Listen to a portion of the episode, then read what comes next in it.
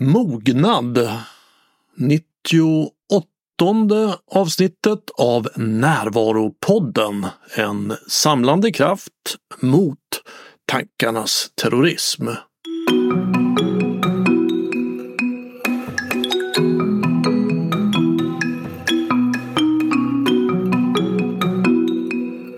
Det här är Bengt Renander.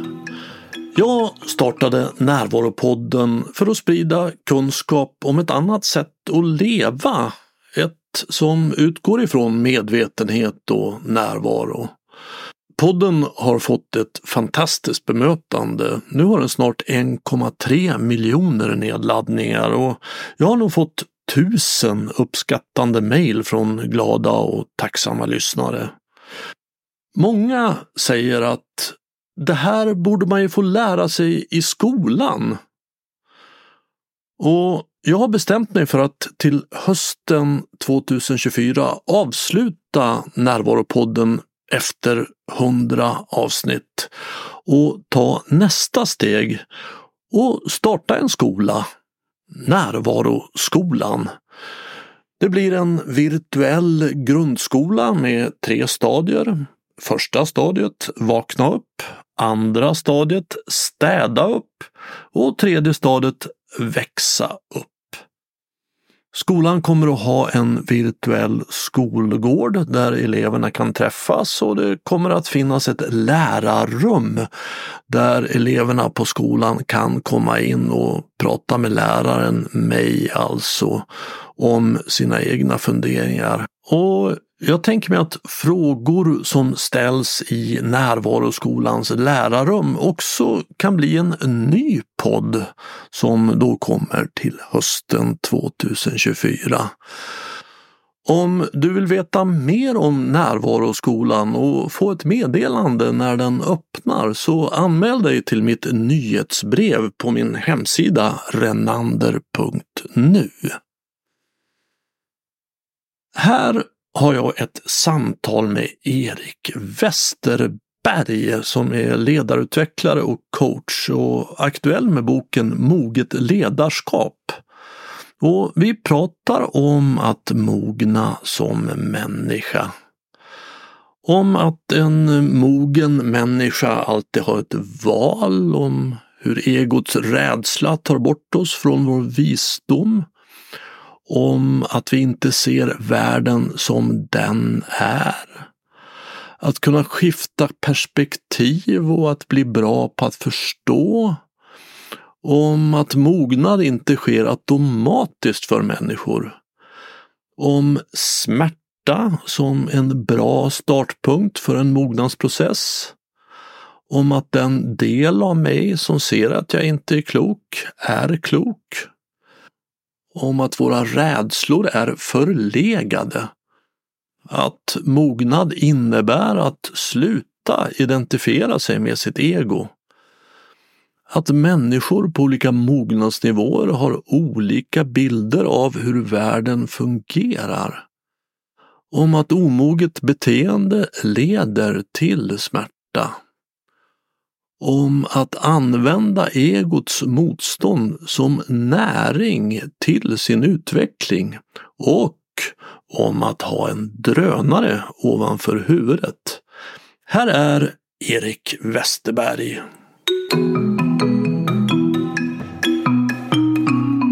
Vad innebär det att vara mogen? Vad är mognad för någonting? Ja, jag tänkte faktiskt fråga dig, vad, vad associerar du till när du hör det ordet? För mig så är det som kännetecknar en mogen människa, om jag skulle säga en sak, så är det att en mogen människa alltid har ett val. Mm. Medan en omogen människa inte har det, utan reagerar. Mm. Medan den mogna människan alltid har ett val, ska jag göra så, ska jag, eller ska jag göra så? Ska jag tänka så eller ska jag tänka så? Mm. Ska jag känna så här mm. eller ska jag känna så här mm. i förhållande till den här situationen? Mm. Så nu är ju det, du är inne på det här och har jobbat med det här i, i många år. Och, och, min uppfattning är väl att ordet mognad används inte så mycket allmänt om människor, med, lite mer om viner och frukter och sådana här saker. Men, men inte så ofta, det är inte så ofta man hör att oh, det är som mogen människa eller, eller så. Man kan höra ibland att eh, han är väldigt omogen eller hon är väldigt omogen eller så. Men i vanliga språket så förekommer inte det ordet så mycket. Nej, tyvärr får man väl säga. Absolut. För att, att om jag, jag... Jag tänker nog att, att personlig utveckling och andlig personlig utveckling handlar om att mogna som människa. Absolut. Det är själva målet. Det är det vi är ute efter. Ja, jag, jag håller helt med om det. Och det, det är intressant för att när jag pratar med mina kunder och, och, och, vi pratar om mål på lång sikt så säger alla att de vill ha ett harmoniskt liv. Mm. Och det handlar om att, att man ska eh, må bra, man ska inte känna sig stressad och pressad, man ska känna eh, kärlek, man ska vara bland människor man tycker om. Och, och eh, det ska inte vara konflikter och, och bråk och, och elände. Liksom. Och det är precis vad mognadsutveckling kan ge. Mm. Men ändå så pratar vi inte om mognadsutveckling i någon högre grad. Det finns ju människor som gör det och, och, och de som lyssnar på podden här eh, har säkert kommit i kontakt med det här på olika sätt. Mm. Vad, vad, man nu kallar det för någonting. Om man kallar det för mognadsutveckling eller vertikal utveckling eller ökat medvetande eller eh, egoutveckling. Eller det finns massor med ord för, för samma sak. Men vanliga människor som inte har eh, speciellt intresserat sig för det här, det existerar på något sätt inte. Nej, nej, det är inte ofta man läser ordet i tidningar eller hör det i diskussioner. Jag håller helt med om det. Och jag tänker på det du pratar om att vi vill ha ett harmoniskt liv. Om man tittar efter på vad, vad innebär det då? För att harmoni förutsätter ju att det är två saker minst som är i medsvängning, som harmoniserar med varandra. Och, jag tänker att de två sakerna i ett harmoniskt liv är dels hur jag har det och hur jag tar det. Mm. Och mognaden handlar ju om att utveckla hur jag tar det. Mm mitt inre mm. så att jag kan harmonisera bättre med hur jag har det. Mm. Medan vi lever i en kultur där vi lär oss att, att, om jag inte känner att jag är i harmoni så ska jag ändra på hur jag har det. Mm. Alltså utanför mig. Mm. Vilket är ett betydligt större och svårare projekt. I många fall omöjligt. Ja, jag tror att det är nästan i alla fall omöjligt för att min egen erfarenhet är att eh, det, jag kanske har något som jag strävar efter. Och, men redan innan jag har nått dit så har det på något sätt eh, förlorat sin attraktion. Mm. Jag vet hur jag ska göra och jag har inom räckhåll. Då, då försvinner ju attraktionen. Mm. Och, och, och, då behövs en ny grej. Mm. Så att den vägen, jag, jag, tror inte att den är framkomlig. Nu, nu gäller förstås inte det eh, om, om, man har en allvarlig brist på något sätt. Va? man har inte pengar så det räcker för att försörja sin familj. Va? Det, det är en annan sak. Där, därför att då kan det ju löna sig att och, och hitta ett annat jobb kanske och tjäna mer pengar så kan man göra någonting för familjen. Men om det gäller Mm, ska man kalla det för, självförverkligande och, och, sådant på den nivån, då, då, är inte det någon lösning tror jag på, på någonting. Utan det, det bara leder till i värsta fall en tomhet därför att det gav inte den där effekten som man trodde med, med den här nya bilen eller vad det nu är. Ja. Ja, nej, det där är ju livet utifrån egot, att man sätter upp, man lägger lyckan i framtiden. Alltså bara jag har fått det här, bara jag har uppnått ja. det där. Och, ja. och studier visar ju att ingenting blir så bra som jag hade hoppats. Nej. Men heller inte så illa som jag hade fruktat. Nej. Nej. så det går liksom mot nollpunkten. Ja. Så, och, och det innebär ju också att, att jag lever mitt liv i framtiden eller i tankevärlden. För Ja. det, det är ju där framtiden utspelar sig. Ja. Och, och det är ju inte i verkligheten. Nej. För verkligheten är ju här nu. Ja. Och det tycker jag är en del i mognad, att inse det. Absolut. Och, att också ha förmågan att, att vara i nuet hänger också ihop Mhm. med mognad. Och, och om vi pratar närvaro så är det ju medveten närvaro som, som vi menar. Vi är inte bara närvarande och sover, utan, eller halvsover, utan vi är ju väldigt medvetna. Och medvetandet och, och, och mognaden går ju hand i hand. Så att det, det, det hänger ihop. Mm. Det, finns ju, det, det finns ju så mycket ord kring det här och det finns ju också en viss språkförbistring. Uh, när jag pratar om medvetenhet, det jag menar då är förmågan att kunna skilja mellan tankar och verklighet. Ja, Så det är det jag är medveten om. ja, Jag vet att det här utspelar sig i tankevärlden och det här utspelar sig i verkligheten. ja. Och närvaro är då förmågan att rikta min uppmärksamhet mot det innevarande ögonblicket. Mm. Så för mig är det två lite olika förmågor så, som man ju då kan naturligtvis kombinera också. Ja, absolut, ja. ja. ja nej, men jag, jag delar den uppfattningen. Men man kan möjligtvis, möjligtvis lägga till när det gäller medvetenheten att den också handlar om vad är det som sker i stunden. Inte bara inne i mig utan också utanför mig. Mhm. Och att, att eh, vi har ju någon märklig förmåga att, att kunna förstå saker liksom utan att tänka på vanligt sätt. Mhm.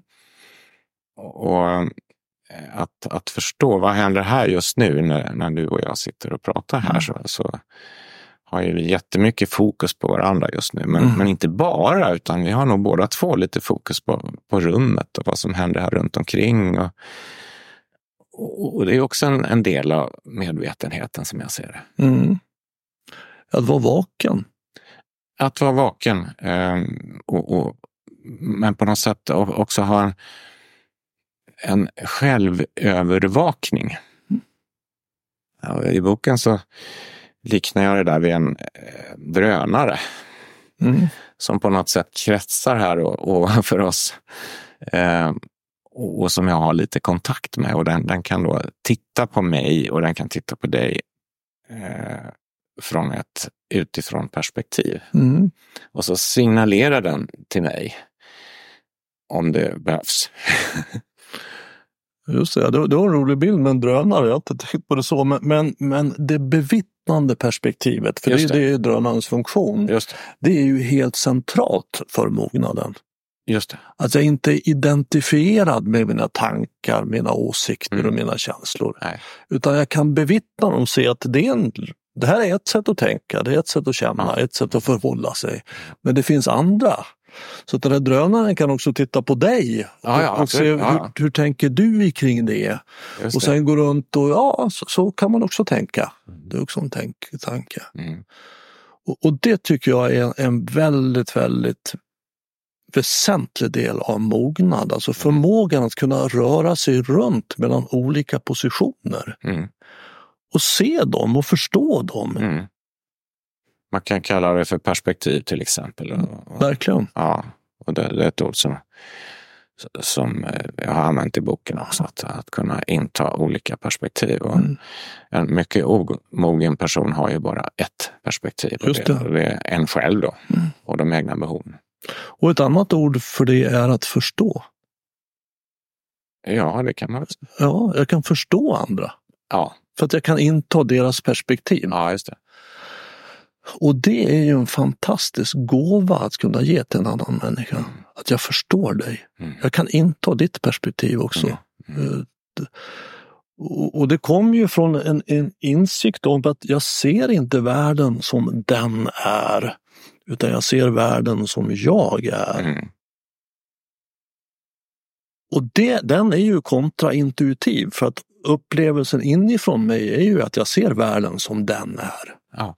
Och de andra idioterna fattar inte. Alltså hur kan man rösta på det där partiet eller tänka på det ja. viset och ha de där kläderna och göra sådär. Mm. Folk är idioter, det är helt obegripligt. Mm. mm. Där har vi den obogna människans mm. mm. vy. Men när man modig så okej, okay. alltså jag fattar inte hur den personen tänker. Intressant. Mm. Hur kan jag ta mig fram till en förståelse av hur den personen tänker? Ah, nu, nu förstår jag, det ser ut så här. Mm. Och, och, det är ju då dels en, en kärlekshandling naturligtvis. Mm. Men vi ska också vara medvetna om att det är makt. Mm. Alltså den som förstår mm. andra mm. har ju, får ju också en väldig makt. Ja, man blir en bra förhandlare om inte annat. ja, jag tror att det där är en, en avgörande punkt, det som du berör nu när det gäller mognadsutvecklingen. Att att förstå det att min bild av världen, min modellvärld som jag har och, och, på något sätt har som referens för hur världen fungerar, att den bara är en modell och att den inte är fullkomlig och den är förmodligen felaktig på vissa punkter. Och, och så. Och, men jag har den av praktiska skäl. Ehm, hade jag varit mera omogen så hade jag trott på den till 100 procent. Men, men just, eh, just när man börjar förstå att den här, den här modellen, den, den är inte riktigt bra i alla situationer. Det är väl ungefär som i, i fysiken. Va? Vi har eh, Newton till exempel, så gjorde han eh, lagar i, i fysiken. Och de funkar ju ganska bra när man skulle bygga vissa fordon och sånt där. Men, men sen kom ju relativitetsteorin och, och allt det där och, och, så blev det ännu mer komplicerade lagar. Men, men det är ju inte klart med det, därför att det är så otroligt komplext. Man kommer aldrig nå fram med en modell. Och på samma sätt tror jag det är med människor. att man kan förfina den där modellen hela livet, men den kommer i alla fall inte beskriva världen som den är i alla lägen. Nej, och jag, jag tänker att det, det, är ju också en ganska pretentiös tanke att, att jag som en, en apa på den här lilla planeten ska kunna förstå allt. Ja. Det, det, det är ju... Det, det, det, det, det, tänker inte jag att ska kunna göra. Jag förstår att inte du gör det heller Nej. naturligtvis. Men, men så, så att, att, att vara väl medveten om sin okunskap. Ja, precis. Det, det är väl det jag försöker säga ja. på ett krångligt sätt. att, att det är en väldig... Och ett annat ord för det är ju ödmjukhet. Ja. Att, att jag, jag är, vet att det, det, är väldigt lite jag vet egentligen. Mm. Så att, att det kan vara värt att, att lyssna och intressera sig för andra. Mm. Och, och, jag tycker också att det är intressant att det går faktiskt. Romaren Terentius sa ju så här att jag är människa och inget mänskligt är mig främmande. Och med det menade han ju att allting en annan människa gör, säger, tänker, går att förstå. Mm. För att det, det kommer också från en människa. Och, och jag, och det där är vi ju väldigt ovilliga till. Och jag tror mer nu än någonsin. Mm. Att förstå andra, sätta sig in hur en meningsmotståndare uh, tänker eller uh, hur de argumenten ser ut. Utan vi ska då blockera, stänga av, stänga ute, tysta istället. Mm. Och det blir en väldig fattigdom i, i den intellektuella debatten eller samtalet. Mm. Jag håller helt med om det. Jag har tänkt så mycket att eh, världen blir mer egoistisk kan man säga. Ehm, alltså typiska egodrag slår igenom. Det är ju väldigt mycket vi och dem-tänkande till exempel i, i, i politiken. Mm. Ehm, allt, allt detta hat som har kommit är ju typiskt egogrej, att man, man hatar sina motståndare istället för att eh, försöka förstå. Man anstränger sig inte ens utan man, man eh, väljer att hata och så har mm. man löst det för sin egen del. Att mm. det där är idioter och så är det klart. Liksom. Mm.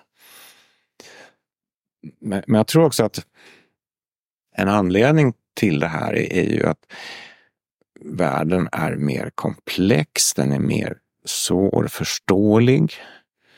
Det finns inga eh, patentlösningar på någonting längre. Vi har jätteproblem inför oss, energiproblem, eh, klimatproblem. Eh, vi har det, det, finns, det finns så mycket som helst stora problem. Och, och, jag tror att när man blir osäker som människa så vill man på något sätt göra världen säkrare än vad den är. Eller förenkla för sig så att det ska kännas lite, inte kännas så komplext. Mm. Och, och, och, då händer sådana här saker. Man hamnar i rätt och fel. Och... Ja man, man liksom kryper in lite grann i en egen grotta som man har inrett eh, efter eget behag och sen så väljer man att vara där när, när världen stormar utanför. Mm. Jag tänker också att det påverkar att när vi blir rädda så tappar vi våra intellektuella förmågor ja. att göra en, Vi tappar vår mognad, vår visdom ja. och, och, och, blir reaktiva istället. Ja reagerar. Och där finns ju inget val utan allt eller inget. Hat de sig undan. Och, mm. och, och, jag tror ju väldigt mycket på samtalet.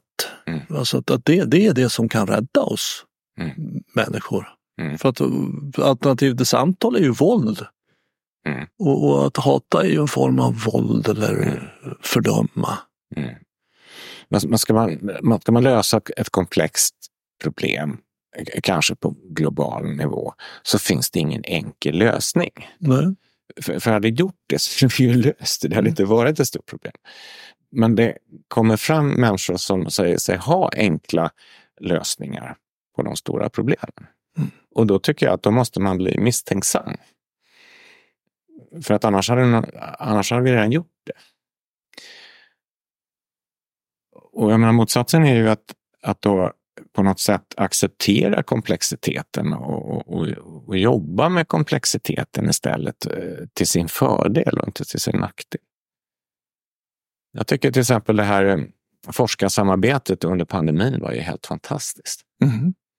Eh, liksom forskare som säkerligen hade konkurrerat med varandra och, och förmodligen hatat varandra lite grann och, och, och åtminstone tävlat med varandra tidigare. Så plötsligt bara så blev man en, en stor community som, som samarbetar och man skickar forskningsresultat kors och tvärs över mm. världen och så åstadkom man någonting som var fantastiskt mm. och räddade massor med människoliv. Ja. Så det var väldigt hoppfullt.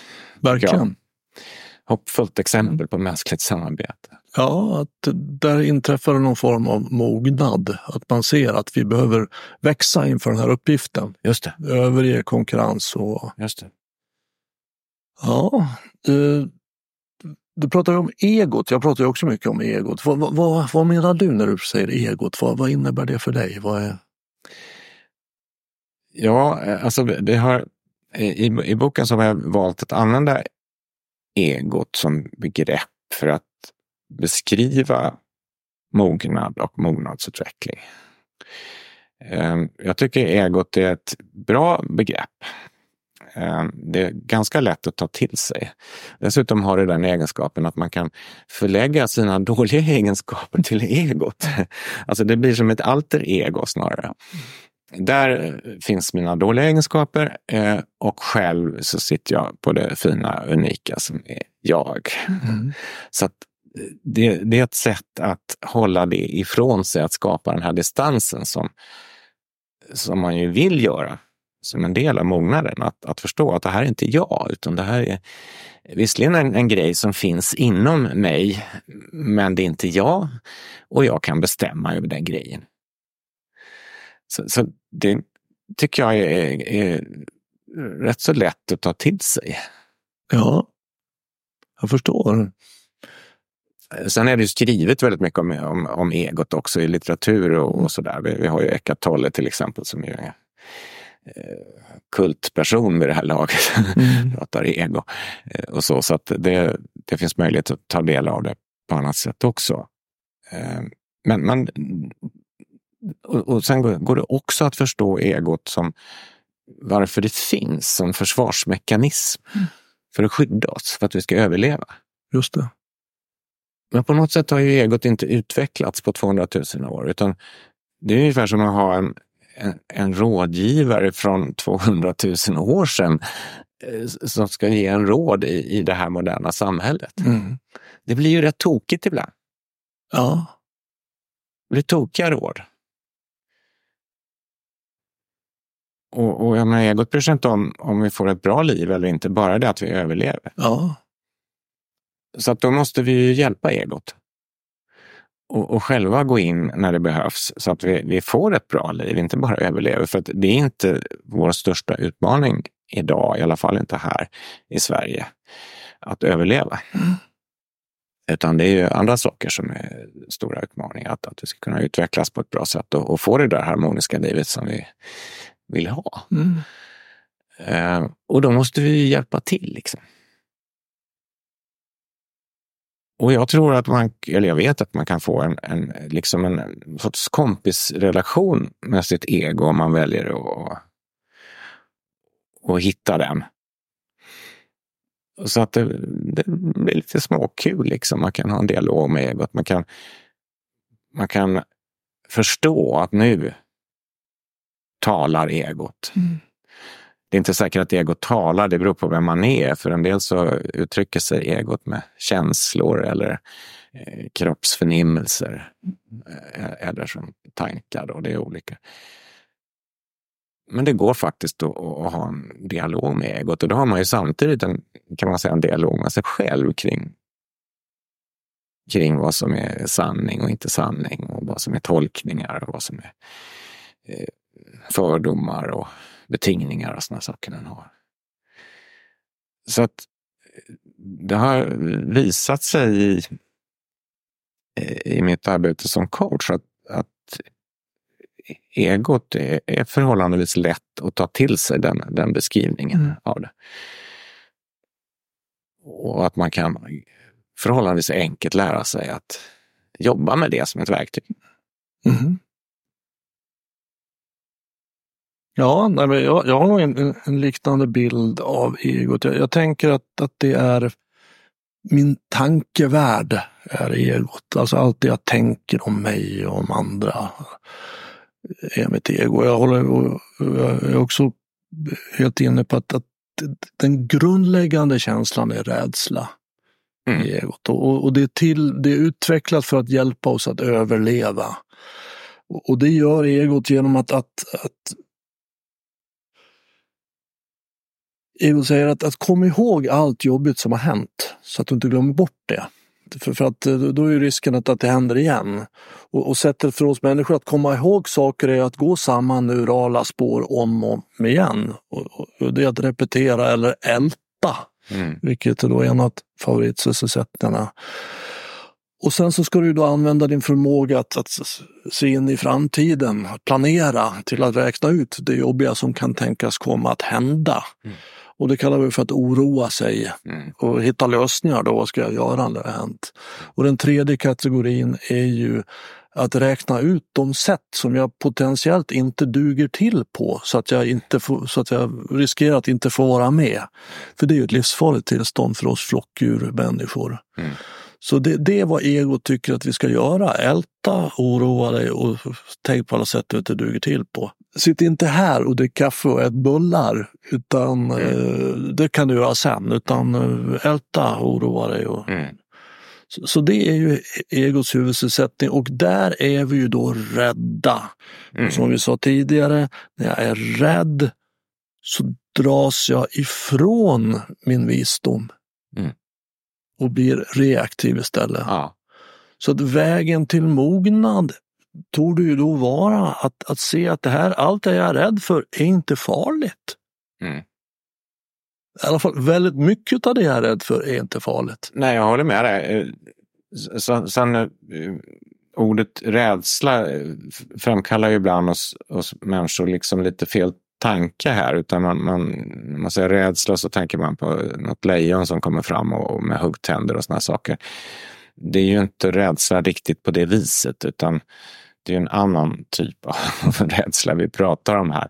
Ja, eller så är det samma rädsla. Men, men för, att, för, för rädslan när ett lejon kommer på riktigt, det, det, är ju, det är ju rädsla. Men jag kan också tänka på Mm. att det kommer ett lejon. Ja, och lyckas ja. jag suga så är det samma rädsla Mm.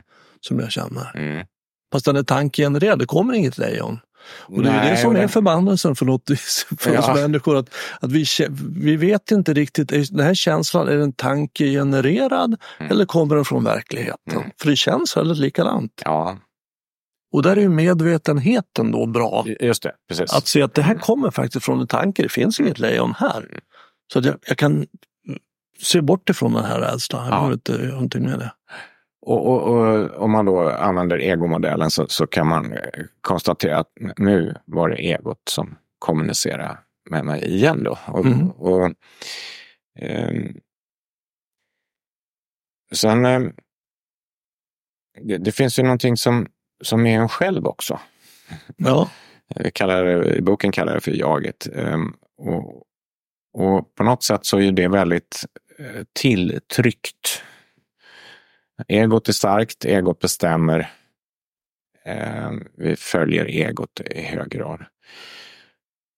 Och samtidigt så utvecklar vi oss inte särskilt mycket i det som är jaget.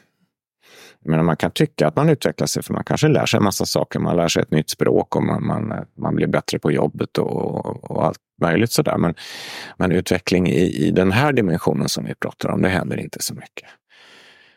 Och det, det är faktiskt så att det sker inte av sig själv. Um, och psykologerna påstår att vi har en, en, en ganska flack kurva så att säga över livet när det gäller mognadsutveckling att, att någonstans i 25-30-årsåldern då händer mycket för att det är nödvändigt. Man ska ut i yrkeslivet, man kanske bildar familj och, och hjärnan har blivit klar när den ska inredas. De högre delarna i hjärnan är ju klara då vid 25-årsåldern. Men sen efter 30 så, så är det inte säkert att det blir någon mognadsutveckling alls, utan det beror på oss själva. mm. Vissa saker eh, kanske kommer med åren när man, man säger att när man blir över 50 någonting så börjar man intressera sig mer för att hjälpa andra människor till exempel. Det verkar vara lite inbyggt. Eh, Och det, det kan man ju förstå från att vi levde på slätterna en gång, Mm. att man var för gammal för att springa i kappen någon gnu så fick man ju ta hand om de andra i flocken istället. Det hänger på oss själva att vi gör något för att få den här utvecklingen. Och för en del så sker det i form av en, en kris. Kanske en skilsmässa någonstans mitt i livet, vilket inte är så ovanligt. Och, och för en del så är det då ett, ett lyft mognadsmässigt. Kan det bli. Det kan också gå åt andra hållet därför att man blir bitter och, och, och sur. Och, och det är också en, en, en del av, som jag ser på det här, att vem vill jag vara när jag är gammal? Jo, jag vill vara en, en sån där god farfar som barnbarnen kommer till på ett naturligt sätt och kryper upp i knät och, och, och verkligen blir glada när de ser mig. Och, och som vuxna människor kommer och vill prata med och kanske om, om, om svåra saker då, till exempel. Men eh, jag har ju förstått att det är väldigt många som, som har föräldrar som, som inte är kul att träffa. Det har, det har inte blivit någon bra mognadsutveckling utan de är bittra och, och, och sura och klagar för att barnen inte kommer tillräckligt ofta. Och, så det är absolut inte givet. Utan man behöver göra något för att det ska, man ska komma till den där mognaden Ja. och, och harmonin som man egentligen vill ha. Det är inte som ett äpple där det sker automatiskt utan för oss människor så behöver vi göra saker. Ja. Och precis som du säger så, så, så är ju ofta startpunkten för en mognadsprocess är att jag, jag har varit identifierad med egot, det är så smärtsamt att jag kommer till en punkt jag orkar inte längre. Nej. Det, det är för mycket. Ja. Eh, Och, och, och det är en väldigt bra startpunkt för en, en, en utveckling, Ja. för en mognadsprocess. Ja. För då är jag också beredd att, att ge mig ut i ett landskap där saker och ting inte längre är så tydliga i vad som är rätt och fel och bra och dåligt och vem jag är och vem jag inte är. Utan det är en mycket öppnare plats. Mm. Och, och, där har vi då lite olika vokabulär, och vilket jag tror, jag hoppas inte ställer till allt för mycket eh, förvirring hos våra lyssnare. För att den platsen kallar jag för självet. Ja. Den plats som du kallar för jaget. Ja, ja, ja.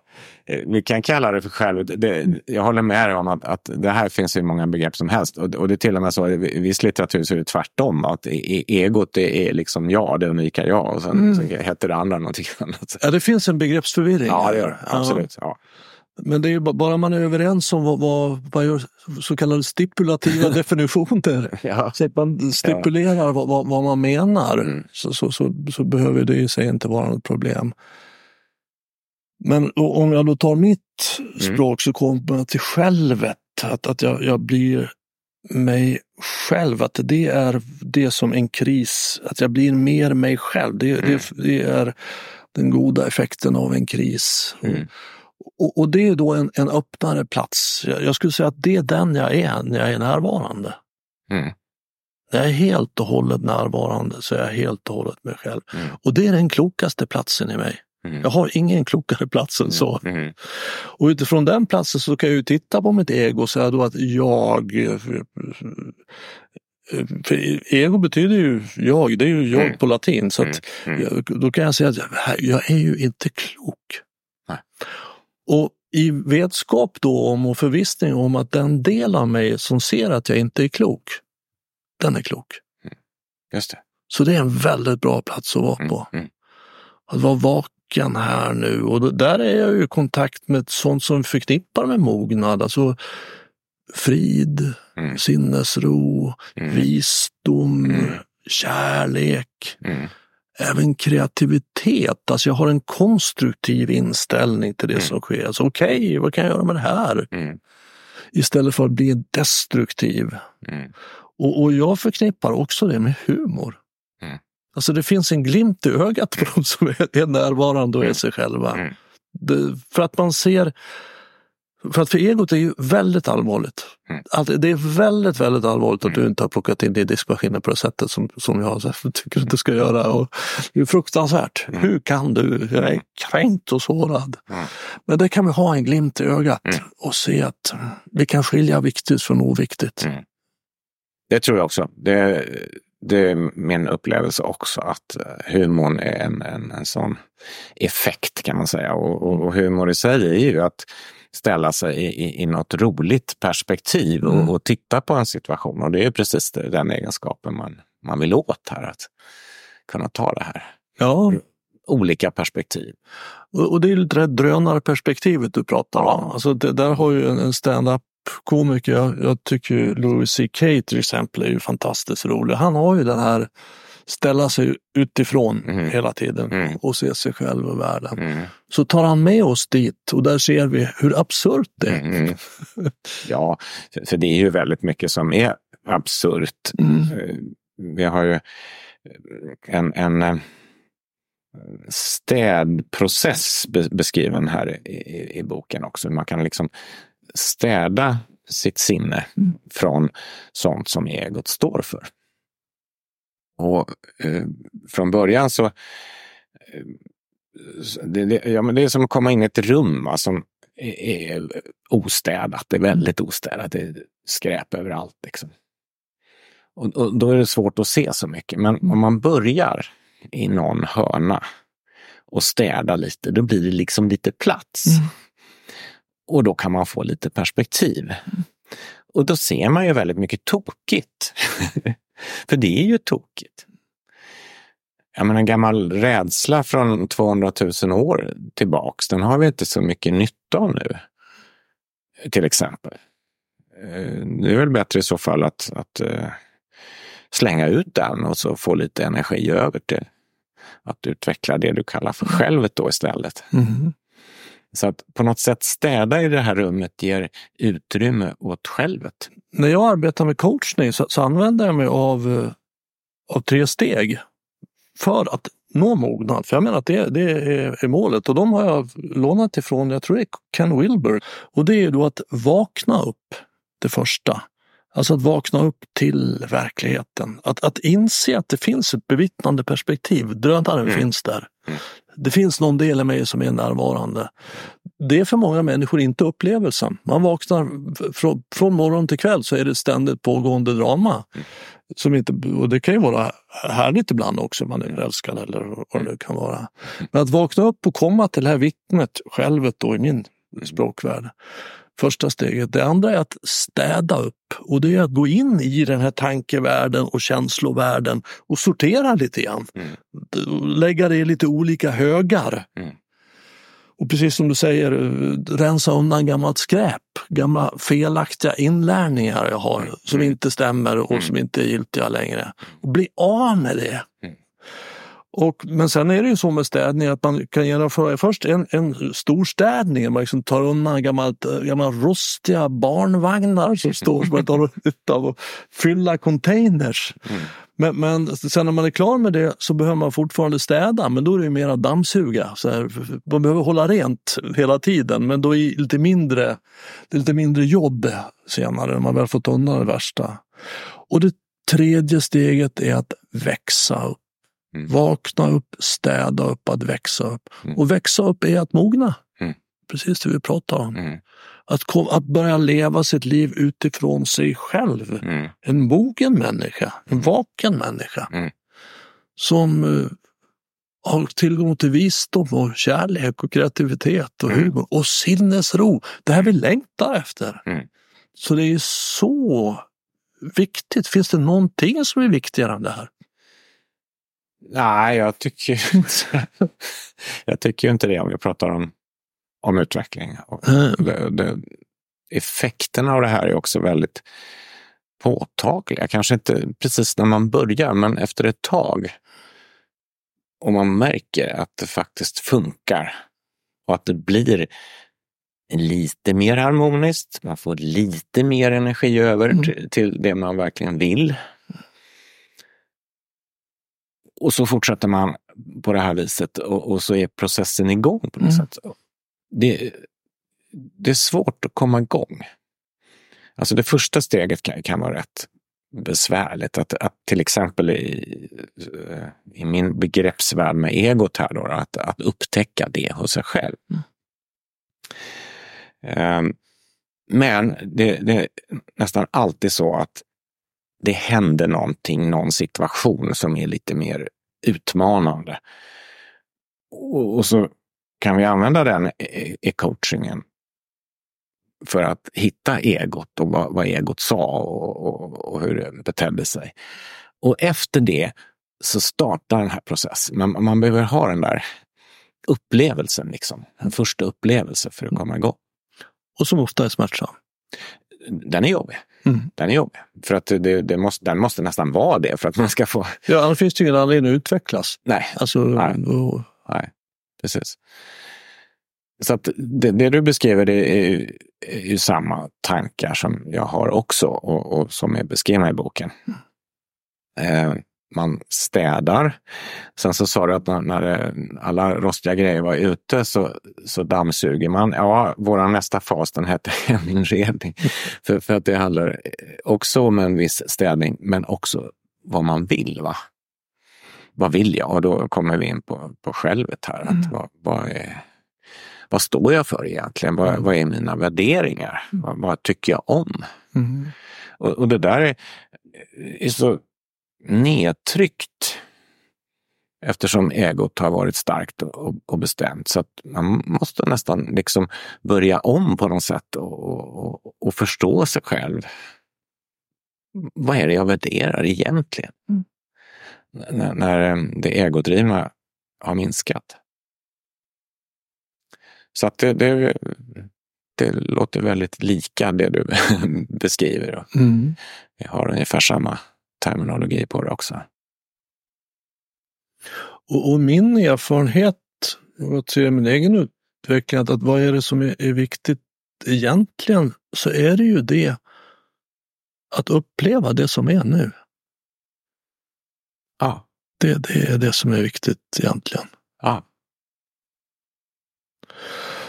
Och, och jag tänker också att, att eh, men jag, jag, hör att det kommer någon kritiker och säger, men vadå, det här låter ju väldigt navelskådande. Att man sitter i en, kan man ju sitta då i någon grotta och titta på sin egen navel och uppleva den, så att det är det som är viktigt egentligen.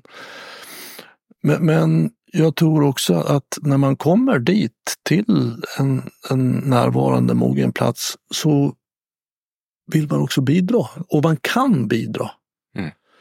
För att, att ja, jag tänker nog att även de mest ondskefulla människor, det finns säkert undantag, men, men många av de som vi ser som mest ondskefulla, de har inte tänkt själva att jag är ond och vill göra ont.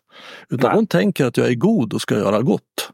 Ja. Eh, genom att utrota de här och göra på det här viset. Det, det är ett jobbigt, men vem vi måste göra det.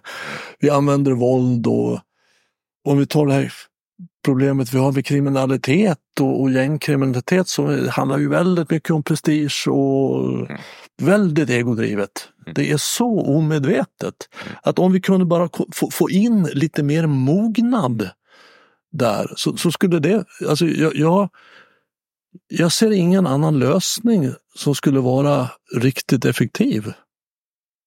Jag, jag håller ju med om, om det. Sen kan man ju fundera över möjligheten. Därför att om man det är nästa steg. ett gäng och man har gjort en massa ont mm. så är det ju otroligt smärtsamt antagligen att, att ta det där mognadssteget. Mm. Uh, därför att det, då är det skräpigt i det här rummet. Alltså. Mm. Och, och tyvärr är det väl så att de som bäst skulle behöva mognadsutveckling är väl de som är minst benägna att söka det. Det, det, är ju naturligtvis en form av utopi och jag ser svårigheterna med att genomföra det. Men, men ändå om man håller på i alla fall på ett teoretiskt plan mm. så vore det ju alldeles fantastiskt om mm. vi människor kunde ta ett mognadssteg och mogna. Mm. Och, och, kunna agera utifrån självet. Mm då istället mm. för det reaktiva och rädda egot. För att vi är ju kapabla till i princip vad som helst, vi människor, när vi är rädda, när vi är egot. Det är ju bara att läsa en historiebok eller egentligen bara att läsa en tidning. Mm. Ja, det, det, här är, det här väcker lite andra frågor. Om man tänker sig människor på olika mognadsnivåer Alltså, mognadsutveckling är ju inte som vanlig utveckling utan det är ju en transformation. Alltså vi, vi, vi utvecklar ju det sinne som vi samtidigt har och upplever världen med. Så att sinnet är ju inblandat i processen men är också målet för processen på något sätt. Och det gör det ju extra besvärligt. Och att jag tror att en, en människa på en viss mognadsnivå har en viss bild av hur världen fungerar. Och, och, en människa på en annan mognadsnivå har en annan bild av hur världen fungerar. Man, man kanske kan se det som att, att man ska spela fotboll och så har man olika regler liksom för fotbollsmatchen. Och det blir ju inte så himla bra när man möts ute på planen. Mm. Jag menar, om, om det är i ena fallet så får man ta med händerna vissa lägen, det får man inte göra i det andra. Mm. Så, så, blir det inget bra. Men, men jag tycker att det är en beskrivning av hur det faktiskt är, att det går liksom inte att förstå vad som finns på nästa nivå. Nej. Förrän man är där. Förrän man är där, ja. Och det, det är väl lite grann som att spela datorspel. Alltså man, man levlar och sen så mm. man vet ingenting om den där nästa mm. nivån förrän man har kommit dit och, och, gått runt där ett tag och mm. upptäckt hur det funkar. Ehm, så att det här är ju ett dilemma då. Och jag menar, det som föräldrar som ska försöka få sin tonåring att mogna, det är liksom ganska lönlöst för att de kan inte förstå det.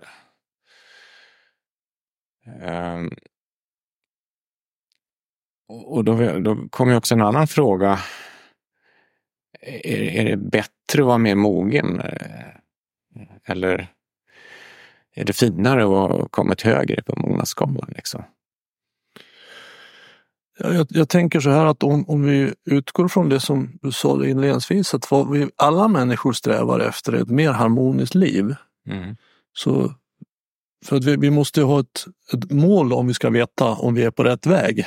Och eh, om vi har det som mål så är mognadsutvecklingen definitivt steg mot det. Ja, absolut. Men många är nöjda där de är. Ja. Och det måste ju få vara så. Absolut. Eh, och, och då skulle man kunna säga att, att de har inte haft tillräckligt med smärta än. För att, där de är inte så, så, så speciellt smärtsamt. Nej. Vilket ju tyder på en viss mognadsutveckling. Ja.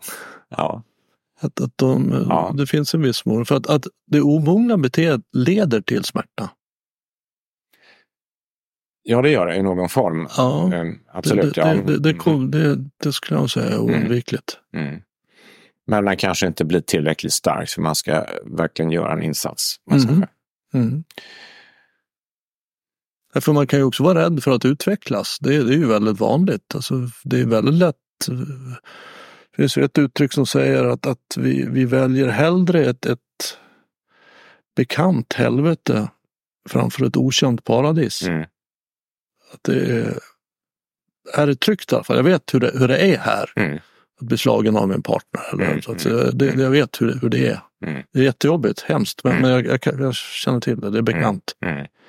Men hur vore det om jag vore någon annan Mm. annat, på annat sätt? Mm. Det, det är ett okänt paradis. Mm. Så rädslan är ju vår främsta, är det som hindrar oss i vår utveckling.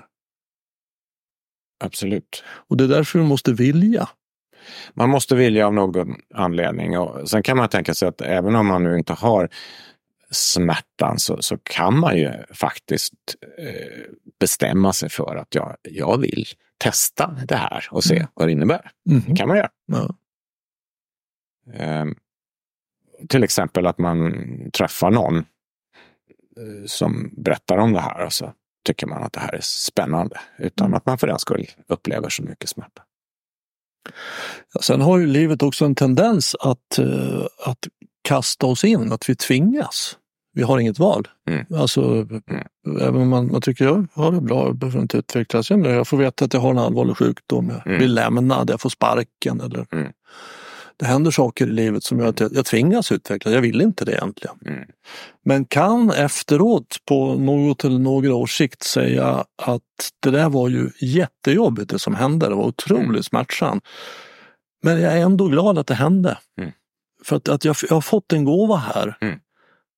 Som jag inte hade fått annars. Och den gåvan skulle jag då säga är mognad. Mm.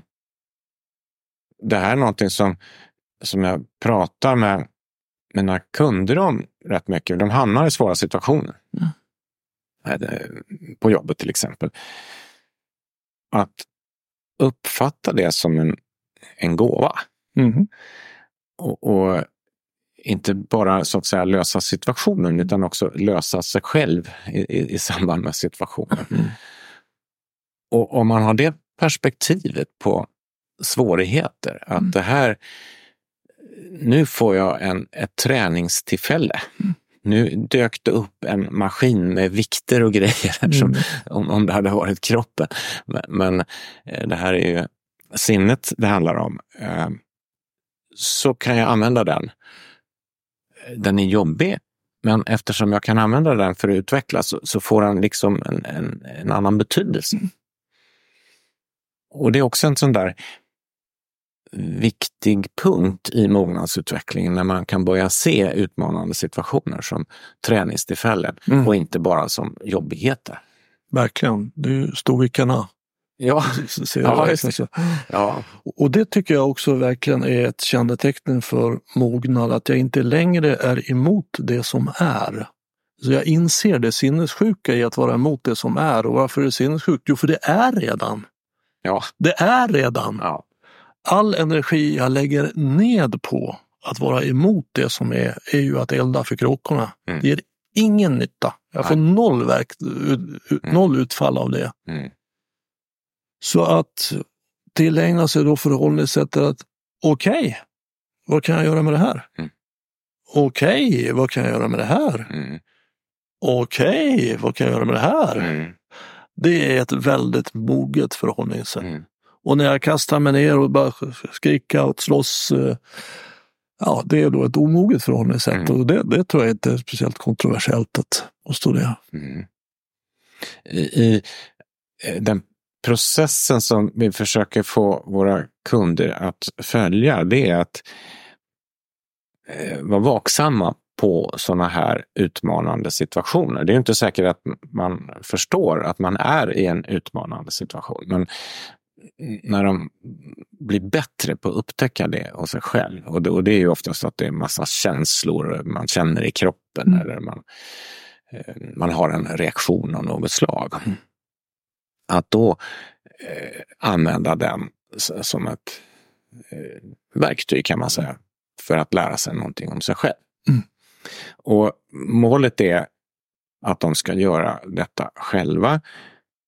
Och om man gör det, alltså alla människor hamnar i sådana situationer kanske flera gånger varje dag. Så- Så att det är inte brist på dem.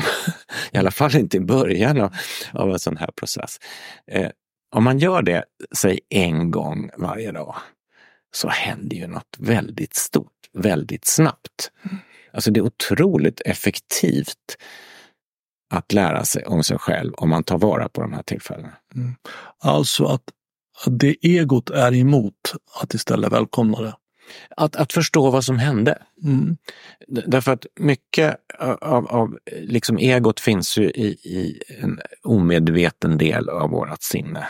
Det mesta finns i det omedvetna. Ju.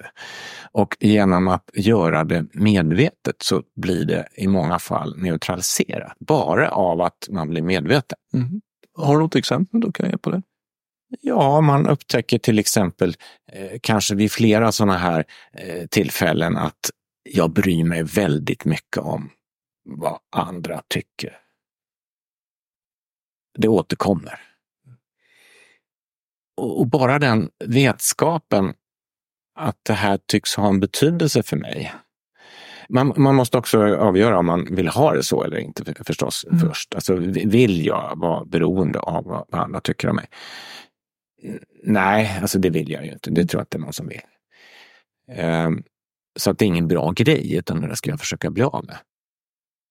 Och sen när man hamnar i en situation så ligger den tanken ganska nära. Okej, ehm, är det här en sån här situation nu? När andra skulle kunna ha en åsikt om det här. Styrs jag av det i det här fallet? Ja, nej, det vill jag ju inte. Och, och då kan man på något sätt rensa bort det när man tar sitt beslut. Mm. Och till slut så, så sitter det där sen eh, automatiskt. Så, så att det jag har märkt är att i många fall räcker det med att bli medveten. Mm. Sen kan man ju hitta eh, större skräp så att säga, när man håller på att rensa som kräver en, en mer målmedveten träning för att bli av med det. Och i värsta fall så kanske man också behöver en terapi. Ja. Mm. Men väldigt mycket löser sig av sig självt bara man skovlar upp det från eh, den omedvetna delen. Just det, och benämna det. Det är många mytologiska berättelser som handlar om att när man benämner trollet vid sitt rätta namn Mm. så tappar den sin makt, Ja, sin styrka. ja. Det, precis så eh, är det med det här. Man kan på något sätt eh, ta upp det och lägga det på bordet Mm. och, och, och då försvinner ju på något sätt kraften i det.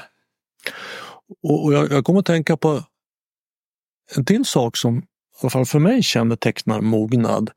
Och, och det är det som buddhisterna pratar om som the middle way, alltså medelvägen. Inte antingen eller utan både och. Mm. Alltså att vara att, att eh, eftersträva både och. Jag kommer tänka på det ditt exempel. Jag, jag bryr mig mycket om vad andra tycker. Mm.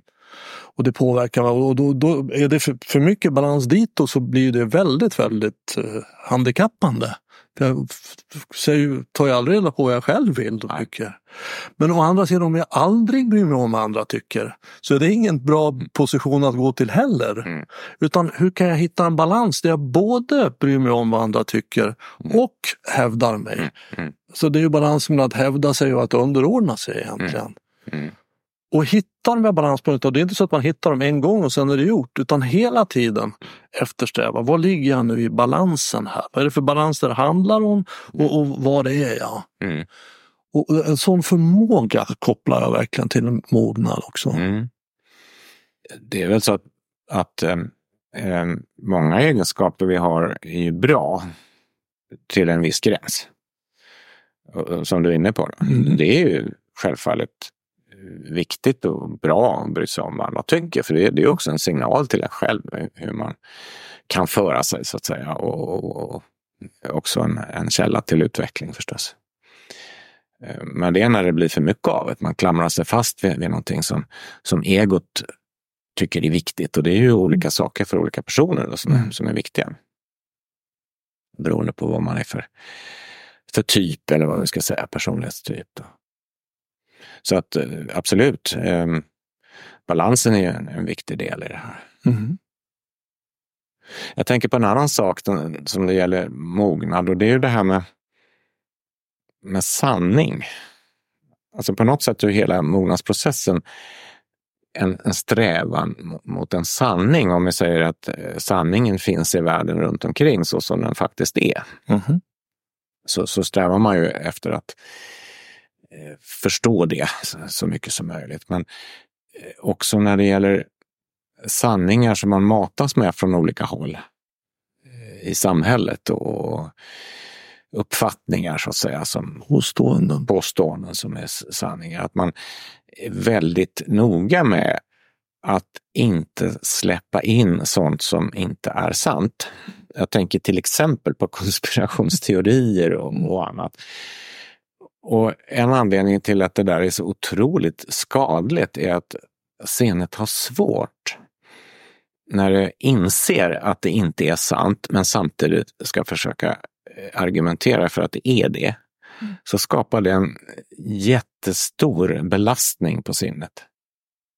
Alltså, eh, sinnet har otroligt många mekanismer för att för att skydda sig här. Och, och, och, när det kommer signaler om att, att någonting inte är som man tror att det är, ja då startar många processer liksom och, och som tar en massa energi. Och, därför så tror jag att det är väldigt viktigt att man inte går på osanningar och, väljer att tro på dem, utan att man har ett kritiskt tänkande så mycket man kan. Men mm. man kan ju inte veta hur världen är, givetvis. Men, mm i alla fall inte släpper in någonting som man lite grann inser att det där är nog inte riktigt rätt bara för att det känns bekvämt att ha en uppfattning. Mm. jag håller med om det. Men en komplikation är ju att, att, att, att det är ju just det konspirationsteoretiker tycker sig göra. Ja. att jag tar reda på det som är sant. Det, det, det, är det här som är sant. Ni är ju lurade, ni har ju gått på en lögn. Ja. Mm. Jo, jo, man, man, man, kan ju, jag menar sinnet letar ju efter bekräftelse i, i första hand eh, och, och eh, det som motsäger mm. Eh, den uppfattning man har, det, det är man inte så benägen att ta till sig. Men att, att man åtminstone försöker mm. med sin medvetna del av, av sinnet att inte släppa in osanningar i den mån man kan. Och, och, det är ju svårt. Vi har ju en väldig tendens, alltså det mänskliga sinnet är ju långt ifrån fulländat och har ju en väldig tendens att tro på saker eh, mm. av, av väldigt dålig anledning. Mm. Och det är ju därför den natur, alltså den vetenskapliga metoden är ju utvecklad för att hindra oss Mm. Att, att, att bete oss som vi helst vill göra. Mm. Alltså att tro på saker av, av dålig anledning. Mm. Utan att, att följ den här metoden så är sannolikheten större att du kommer till sanningen. Mm. Så man kan säga att, att det då så kan man använda som sorts räcke. Hur, hur förhåller jag mig? Hur, vad säger den vetenskapliga metoden? Mm. Det sättet att tänka om det här. Och att, att som vetenskapsmän gör, i alla fall om de är riktigt seriösa, att, att försöka hitta saker som, som går emot den egna teorin. Va? Det är ju själva in the burn of peer review. De ja, skickar ut ja. det till sina kollegor och, och de, ja. det enda de gör är att hit, försöka hitta vad hittar jag för fel i det här. Ja. Uh, och, och, och, när de gör det så välkomnar jag det. Mm. För det kommer inte från mitt ego. Mm. Utan jag kommer från, som en sanningens tjänare, mm. alltså självet. Mm. Det är därifrån jag kommer. Så jag är, inte så, jag är inte så gift med just den här idén eller sättet att tänka. Mm. Och, mm. och, och, det är ju inte så lätt. Nej, det är inte lätt, men jag tror att det är viktigt att ha den strävan och speciellt som, som samhället, eller vad ska jag säga, informationsflödet i samhället är upplagt mm. på ett sådant sätt så att det är väldigt lätt att man får en viss uppfattning med sådana här informationsbubblor och, och, och grejer. Va? Väldigt, man, man, får vara väldigt försiktig med vad man tror på mm. och, och, vad man tänker. Mm. Det, det, finns ju, oavsett, oavsett vilken position man hittar så finns ju argument för och mm. emot. Mm. Så att vara varsam med vad man tänker. Mm. Och, och, det hör ju också mognad till. Absolut. Ja, att ha ett, ett, ja, ett kritiskt granskande, ifrågasättande, inte på något negativt eller otrevligt sätt utan mm. därför att jag är ja, intresserad av hur, hur är det egentligen? Mm. Vi har, i, I boken så beskriver jag, kan man säga, två metoder för att om man vill jobba med det här själv. Mm. Och den, den ena metoden är den som jag har varit inne på, att man eh, hamnar i situationer och sen så kanske man blir eh, lite upprörd eller, eller så. Då kan man inte göra så mycket för att då är det lite avstängt, allt klokt tänkande. Ju. Eh, men en stund senare så kan man sätta sig ner och fundera på vad var det som hände. Och komma fram till någonting, då, någon typ av slutsats. Och så, och så jämför man det med sina värderingar om, om man vill vara sån eller inte. Vill jag tänka så när jag mötte den här personen som jag gjorde? Nej, det vill jag inte. Och så får man bestämma sig för hur man ska göra för att bli av med det där beteendet. Eller attityden eller vad det är för någonting.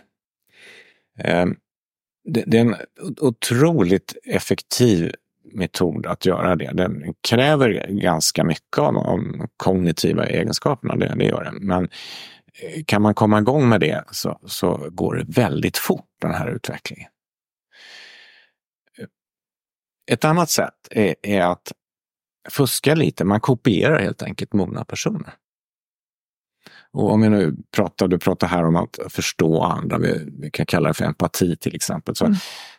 så kan man öva upp den förmågan genom att eh, försöka vara empatisk och, och, och, och sen så blir man det efter ett tag genom att faktiskt bara öva sig. Till exempel som du är inne på då i samtalet. Man samtalar och så, så, så lär man sig ställa lite frågor och, och så fokuserar man och så lägger man på ett intresse för den andra personen. Så kommer det där bli ett ett eget beteende med, med tid. Och det fina med det här är ju att man upptäcker ju ganska snart att det här leder till något positivt. För om man gör sånt som mogna människor gör så kommer man att uppleva det nämligen. Mm. Det ligger liksom i sakens natur på något sätt. Så att det här uh, fake it until you make it, det, det, det fungerar. Och, och, och, om man vill då så kan man göra en lista på egenskaper som mogna personer har. Och så kan man ta en i taget och så kan man beta av den listan. Eh, man måste komma på något sätt att mm. öva det förstås, men, men det, det, brukar kunna brukar man kunna göra. Eller i samarbete med någon coach eller så. Så det funkar. Ja, jag kommer att tänka på någonting som händer ibland i min coachverksamhet. Och ja, jag, jag, jag föreställer mig att, att, att många av de som kommer hit till mig för att prata med mig tycker att jag har en, besitter en viss mognad. Och eh, det är inte helt ovanligt att klienter efter några gånger, så kom, när de kommer tillbaks, så, så säger de så här att ja, nu när jag ställs inför den här situationen som var svår för mig, mm. då brukar jag tänka så här, vad skulle Bengt göra? Mm. ja. Och då, säger, då, då vet jag att nu har den här personen fått kontakt med sig själv, med sitt själv, men den kallar sitt själv för Bengt. Mm. så nästa steg är ju att hämta hem det. Ja. Vad vill jag själv göra, ja. den här mogna personen? Ja. Men där har ju då Bengt fungerat som ett övergångsobjekt i freudiansk bemärkelse. Just. Och, och sen hämtar man hem att jag, jag behöver inte Bengt, Bengt bor i mig, självet mm. här. Mm. Och då kan jag i den här svåra situationen istället för vad vill jag själv? Mm. Och där har mognaden skett. Mm. Intressant. Ja. Jag tror också det att, att det är så att eh, mognad innebär att man, alla människor oavsett var man startar någonstans är på väg mot samma punkt. Mm. Alltså man blir mer och mer lika. Ja, man lättare också se det som är lika i, människ i sina medmänniskor. Ja. Och, och det, det kopplar jag till kärlek. Ja. Att det, det var kärlek det är en del i kärlek att vi ser det som är gemensamt oavsett mm. personlighet. Och... Mm. Jag läste någonstans, jag tror det var Ken Wilbur faktiskt, som du var inne på tidigare, att, att man tittar på olika religioner så, så finns ju liksom en, en kärna i alla de här olika religioner och filosofier, ska jag säga. Så finns ju en kärna som är samma i allihopa. Alltså det är vissa värderingar till exempel, mänskliga värderingar som går igen överallt. Mm. Och, och, och, så det är nog så att när vi når den här punkten så, så är vi sådana mm. i hög grad. När vi har mognat. När vi har mognat, ja. Men på vägen dit då, då så är, det, är vi olika och ju längre ner på den där skalan vi kommer, desto mer olika är vi. Ja, och desto lättare att man identifierar sig med olikheten och hamnar i konflikt med Just det, verkligen. Nej, jag, jag tycker vi har en, en viktig uppgift att eh, sprida det här. Eh, många människor upplever lidande, det, det är så starkt ord, men, men friktion i, i, sina liv som man kan tycka är onödig. Och det blir onödiga konflikter man har negativa tankar och man, man massa saker som alla går och bär på. Liksom. Det, det är tråkigt och det är onödigt. Så det finns en, en lösning. Eh, så det är viktigt att sprida. Mm, verkligen. Och det gäller även i, i företagen då, eftersom jag jobbar med ledare i företag. Så mm. ett, ett företag där det är mycket egon. Egon som bestämmer på företag. Det blir som en parallell organisation liksom, till, mm. till den vanliga organisationen. Ett sånt företag får ju dålig verkningsgrad. Mm. Alltså, går åt en massa energi till fånigheter. Mm. Så att det här påverkar företaget, trivseln hos de som jobbar där och, och företagets lönsamhet och utveckling. Mm. Så att vi behöver jobba för att sprida det här. Ja, och låt oss hoppas att det här samtalet kan medverka till det. Det är verkligen min förhoppning också. Ja, men det, det låter som en, en fin avslutning tycker jag. Ja, tack. Tack så mycket. Om du vill veta mer om Eriks arbete, beställa hans bok eller komma i kontakt med honom så finns en länk till hans hemsida i anslutning till det här avsnittet på min hemsida renander.nu.